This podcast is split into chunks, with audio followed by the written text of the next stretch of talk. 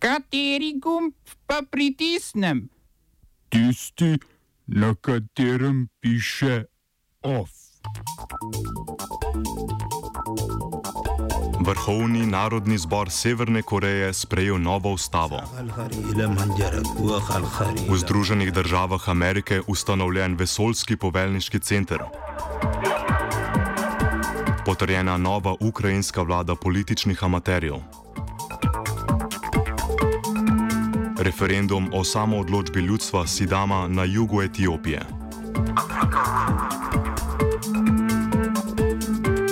Vrhovni narodni zbor Demokratične ljudske republike Koreje je sprejel novo ustavo, ki bo utrdila položaj voditelja države Kim Jong-una. Že julija letos je severnokorejski parlament spremenil naziv funkcije Jong-una iz predsednika Komisije za državne zadeve v voditelja države in vrhovnega poveljnika vojske. S tem naj bi se Kim po moči izenačil z nekdanjo močjo svojega dedka Kim Il-sunga, ki je kljub smrti leta 1994 še vedno večni predsednik Severne Koreje. Predlog spremembe ustave, ki so ga poslanci pripravljali od aprila do julija letos, voditelju države povečuje pristojnost v mednarodnih odnosih in diplomatski službi. Usto, ustavna sprememba naj bi tako olajšala pogajanja z Združenimi državami Amerike. Mirovna pogajanja sta Donald Trump in Kim Jong-un napovedala na srečanju z demilitarizirani coni med obema Korejama prejšnji mesec.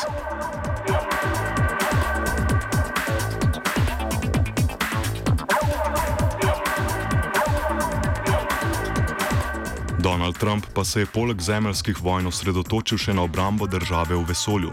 Napovedal je namreč ustanovitev vesoljskega poveljniškega centra, ljubkovalno Spacecom, ki se bo za razliko od oddelka vojaškega letalstva ukvarjal predvsem s fizično obrambo v vesolju in ne le z obveščevalnimi vesoljskimi tehnikami. Grožnjo naj bi predstavljala kitajska raketna tehnologija Zemlja vesolje, ki lahko doseže ameriške satelite. Rusi pa naj bi razvijali lasersko orožje za vojskovanje v vesolju. Vesoljski poveljniški center naj bi po besedah Trumpa postavil temelje za šesto vejo vojaških sil ZDA, tako imenovane vesoljske sile. Thank you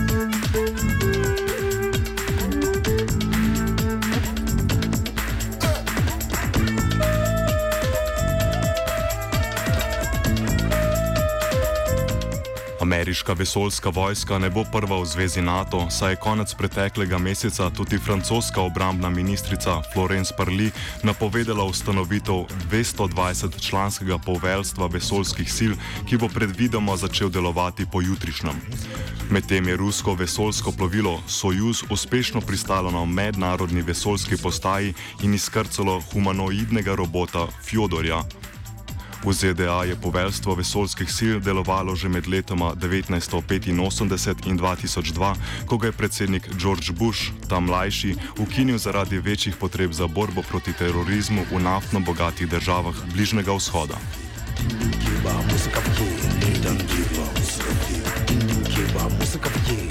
Prvič po predčasnih volitvah je v Ukrajini zasedel parlament in potrdil vlado. Vsi ministri, vključno s premijejem, zastopajo stranko Sluga narodu, ki jo je ustanovil predsednik Volodimir Zelenski. Stranka prvič v zgodovini samostojne Ukrajine ni potrebovala koalicijskih partnerjev za vzpostavitev vlade, za cilj pa si je postavila odstranitev struktur, ki vladajo Ukrajini od leta 1991. Enako kot predsednik, komedijant, tudi poslanski predstavniki stranke nimajo izkušenj s politiko ali, bolje rečeno, s poslanskim delom. Predsednik vlade je postal Aleksej Gončaruk, pravnik, ki je s politiko sicer začel ukvarjati leta 2014, ko je svojo stranko Moč ljudem kandidiral za premijeja. Pred in po volitvah je z vlado sodeloval v različnih diplomatskih misijah, predlani pa je postal tudi prvi namestnik vodje ukrajinskega zunanjega ministrstva in vodil ukrajinsko misijo v zvezi NATO.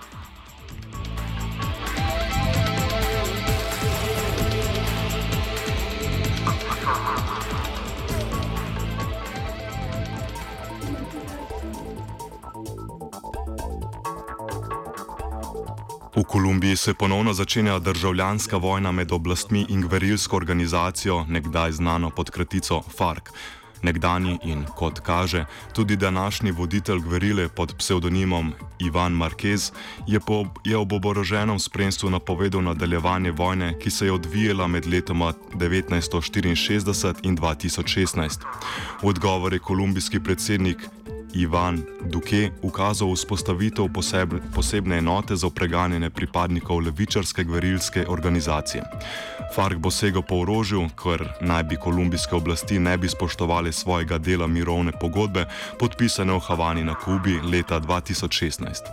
Za aretacijo vseh, ki so na Marquezovem videoposnetku sodelovali v napovedi nadaljevanja vojne, je razpisana denarna nagrada v višini več kot 800 milijonov evrov.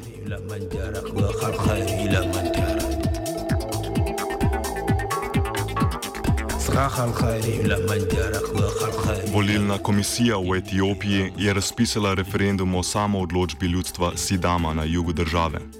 Sredi novembra bodo voljivci odločili o vzpostavitvi desete avtonomne pokrajine v Etiopiji, medtem ko se še vsaj osem skupnosti v državi zahteva enako obravnavo.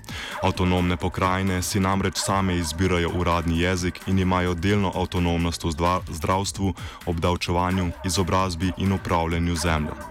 Aktivisti, združeni v gibanje Sidamske mladine, so na krilih političnih reform premijeja Abija Ahmeda že prejšnji mesec razglasili neodvisnost od južne regije. To je povzročilo nasilne spopade s policisti, ki so terjali tudi 17 smrtnih žrtev, strasti pa so se pomirile šele po dogovoru o referendumu. Pojav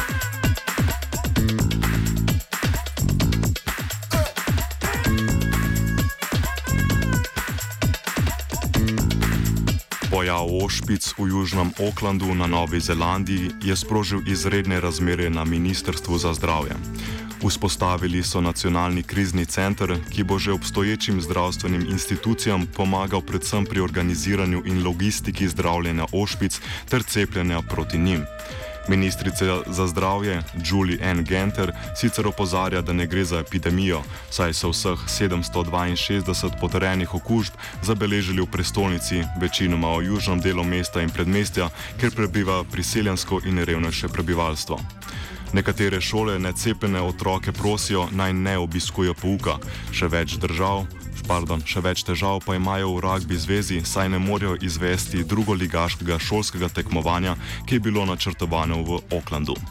Poleg nacionalnega centra se bodo na Novi Zelandiji z ošpicami spopadli s pomočjo brezplačnega cepljenja v dveh bolnišnicah in na sedežu Svobodne cerkve Tonge, v upanju, da se okužba ne prenese na bližnje pacifiške otoke, pri katerih je odstotek cepljenja prebivalstva znatno nižji. Oba, če, če bom odgovoril na angliški. Slovenija will try to help.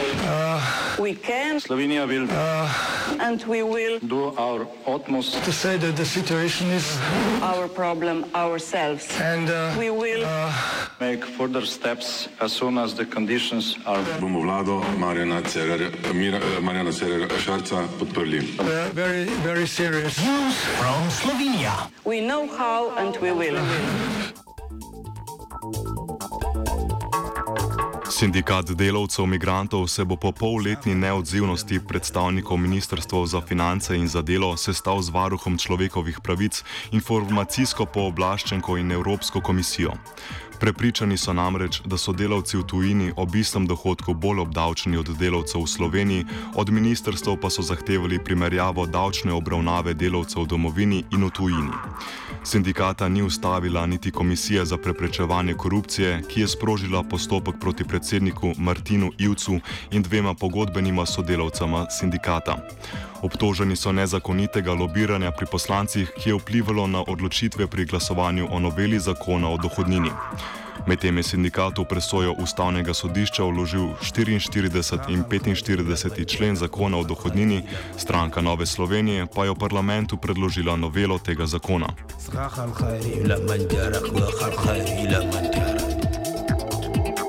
Premijer in predsednik LMŠ Marjan Šarec je razrešil Braneta Kralja z mesta generalnega sekretarja največje vladne stranke. Kralja je predsednica nadzornega sveta uradnega lista Irena Prijovič včeraj prijavila zaradi domnevnega pritiska v zvezi z imenovanjem Igorja Šoltesa za direktorja uradnega lista. Kralj sicer ostaja član stranke, glede domnevnih pritiskov pa je Šarac dejal, da je, citiramo, resnica nekje vmes in ni bilo tako brutalno.